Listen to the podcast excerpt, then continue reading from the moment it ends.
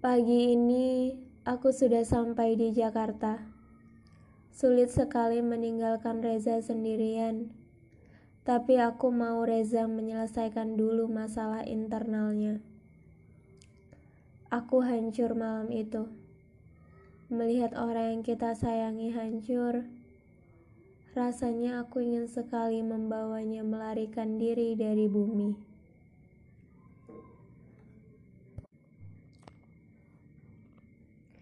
Hari-hari setelahnya aku lewati begitu aja.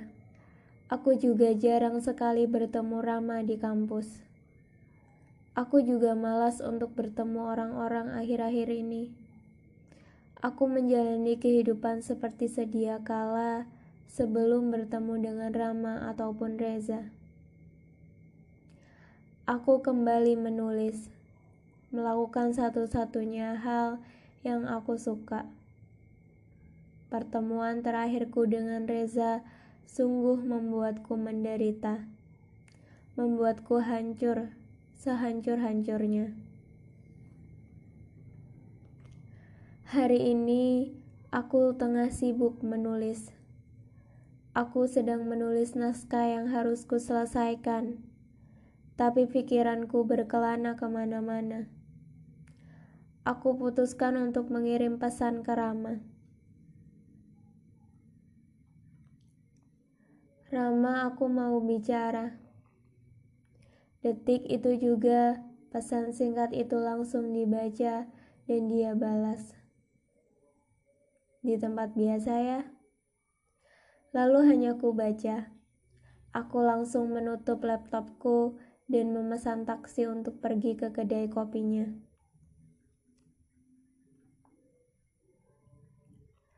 Rama ternyata sudah duduk di sana. Rapih, gak berubah. Hanya saja tatanan rambutnya yang sedikit berantakan. Terlihat sekali wajah lelahnya dan senyumnya masih sama, manis.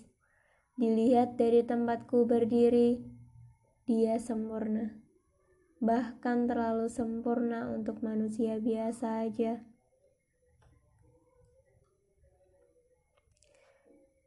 Dia menyadari keberadaanku, lalu aku lantas menghampirinya. Ketara sekali wajah penasarannya yang kalau diteliti lagi dia pasti sudah tahu apa yang mau aku bicarakan. Tanpa basa-basi, aku langsung bilang ke dia.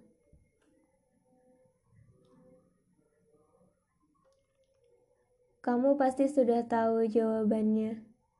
Kamu pasti sudah tahu apa yang mau aku bicarakan.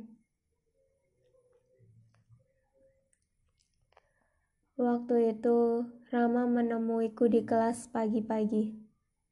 Sehari setelah kepulanganku dari Lombok, dia bilang menyukaiku. Dia bilang ingin hidup denganku. Konyol, kupikir waktu itu. Rama masih diam menatapku dalam.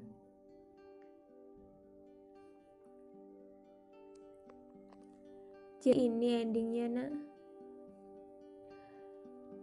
Aku milih buat pindah.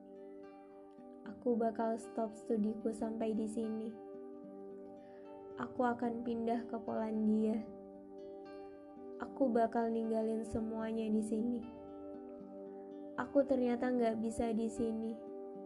Ternyata setiap aku pergi ke mana pun, melewati jalan-jalan itu, Sudut kota ini, tempat-tempat yang pernah kukunjungi, buat aku nggak merasa jauh lebih baik. Aku justru semakin sakit di sini. Aku udah coba, aku udah coba buat sayang sama kota ini, buat lupa sama Reza dengan segala kenangannya, tapi tetap aja, aku nggak bisa Jakarta terlalu dia banget. Di setiap sudut kota ini, ngingetin aku sama dia. And I'm so really tired. Aku nggak bisa, aku nggak bisa terus di sini. Aku harus pindah, Rama.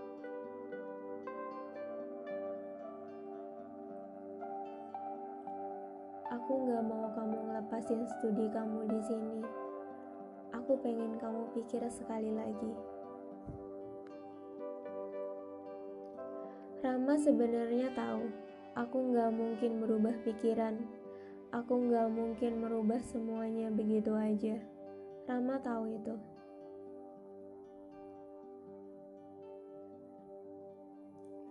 Aku cuma nggak mau kamu menyesal, nah. Selanjutnya,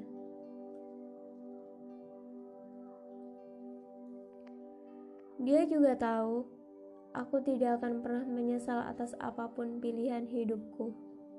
Rama sangat tahu itu. Aku menerima segala hal konsekuensinya.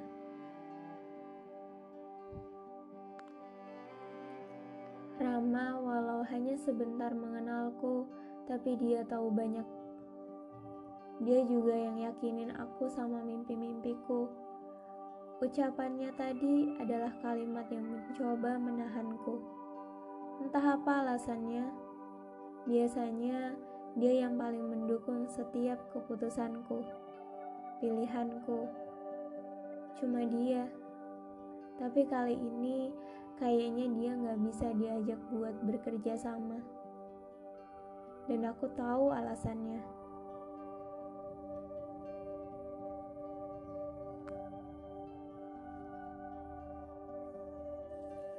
Rama kita. Jalan kita nggak sama. Tujuan aku sama tujuan kamu beda.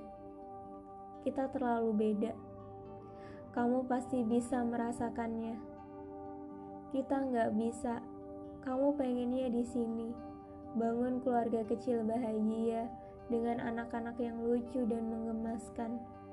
Sedangkan aku Aku nggak mau itu. Prinsip, prinsip hidup kita berlawanan, dan semakin dipaksakan itu semakin menyakitkan. Khususnya buat kamu. Kamu tahu aku nggak mungkin berkompromi dengan prinsipku. Kamu tahu itu, Rama. I don't wanna have a kids.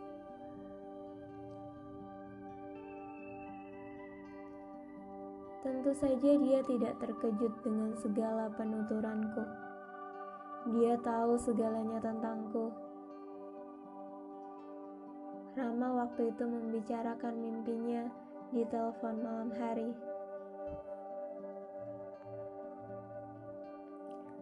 Suatu hari nanti, aku ingin punya keluarga kecil yang bahagia.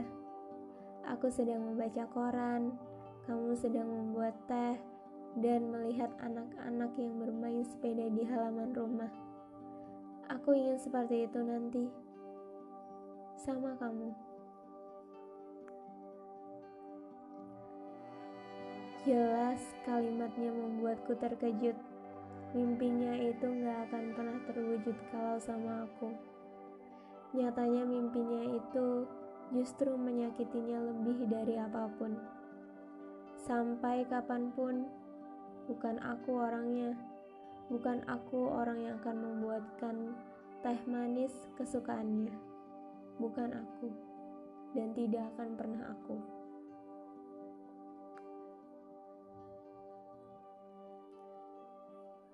Aku bukan Rezana. Ucapnya sendu. Iya.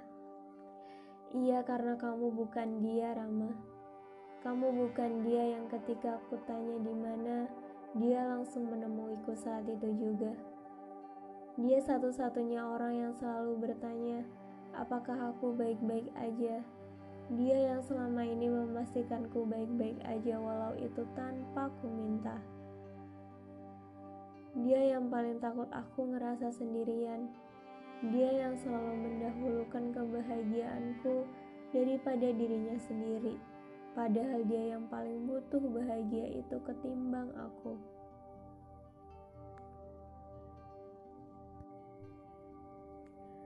Setelah beberapa hari kemudian, aku mendapat sebuah surat dari Reza. Judulnya A Letter to My Favorite Person.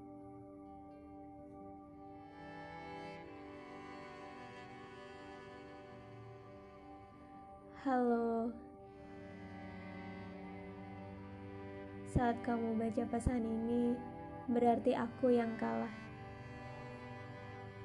Merokok tidak lagi terasa enak untukku. Anggur tidak lagi membuat perasaanku lebih baik. Narkoba tidak lagi membuatku melupakan masalahku. Menulis tidak lagi membuatku bahagia. Mau berapa bungkus rokok yang kuhabiskan? Mau berapa botol anggur yang harus ku minum? Anggur-anggur itu tidak lagi membuatku merasa lebih baik. Mau berapa tempat di dunia ini yang harus kukunjungi? Tidak ada satupun yang membuatku merasa pulang. Aku menyerah sama diriku sendiri. Aku nyerah sama dunia ini. Aku nyerah sama mimpi-mimpiku sendiri. Hidupku, jika tidak berakhir di penjara, mungkin akan berakhir di laut yang menenggelamkan ibuku.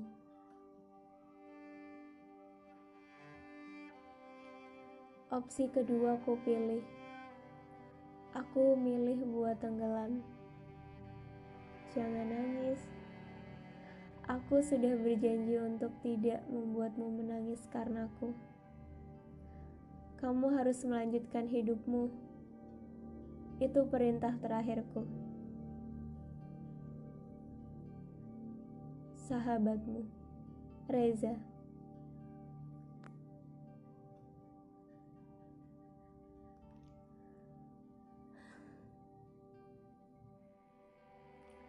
Waktu dia bilang mau menyerah, aku nggak tahu harus apa. Malam itu, aku terima surat darinya. Aku pikir lucu juga walau setelah tiga tahun, dia menghilang tiba-tiba mengirimku sebuah surat.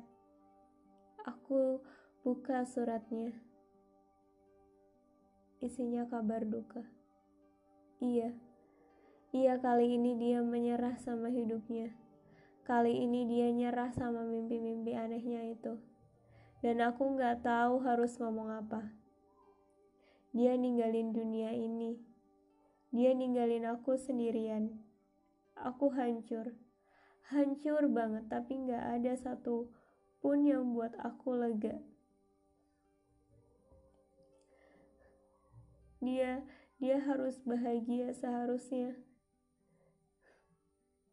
Tapi gak apa-apa dia nggak perlu ngerasain hidup di dunia tapi rasanya seperti di neraka.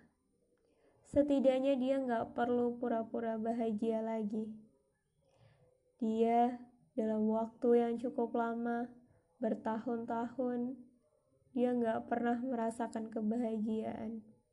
Iya, dia nggak pernah bahagia walau sama aku. Dan kali ini dia nyerah. Dia milih buat menyelesaikannya sendirian. Aku jelas kecewa karena seharusnya aku aku ada dan nemenin dia waktu terakhirnya. Ini gak adil. Dia seharusnya dapetin dunia. Dia seharusnya bahagia, tapi kenapa dunia enggan berbaik hati sedikit saja? Kenapa semesta apa yang sudah dia lakukan. Kenapa semua ini terasa menyakitkan? Dia berjuang mati-matian untuk hidupnya selama ini. Padahal dia enggan. Aku gak mau dia sakit tapi semesta gak pernah ngasih dia waktu. Kenapa? Kenapa? Ini harus terjadi sama dia. Dia sahabatku dan orang yang paling aku sayangin satu-satunya.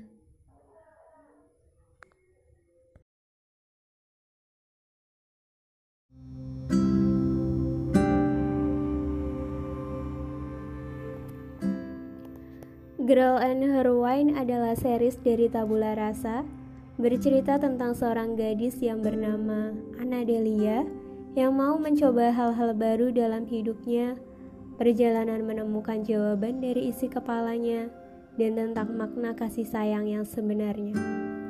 Ikuti kisahnya hanya di Spotify.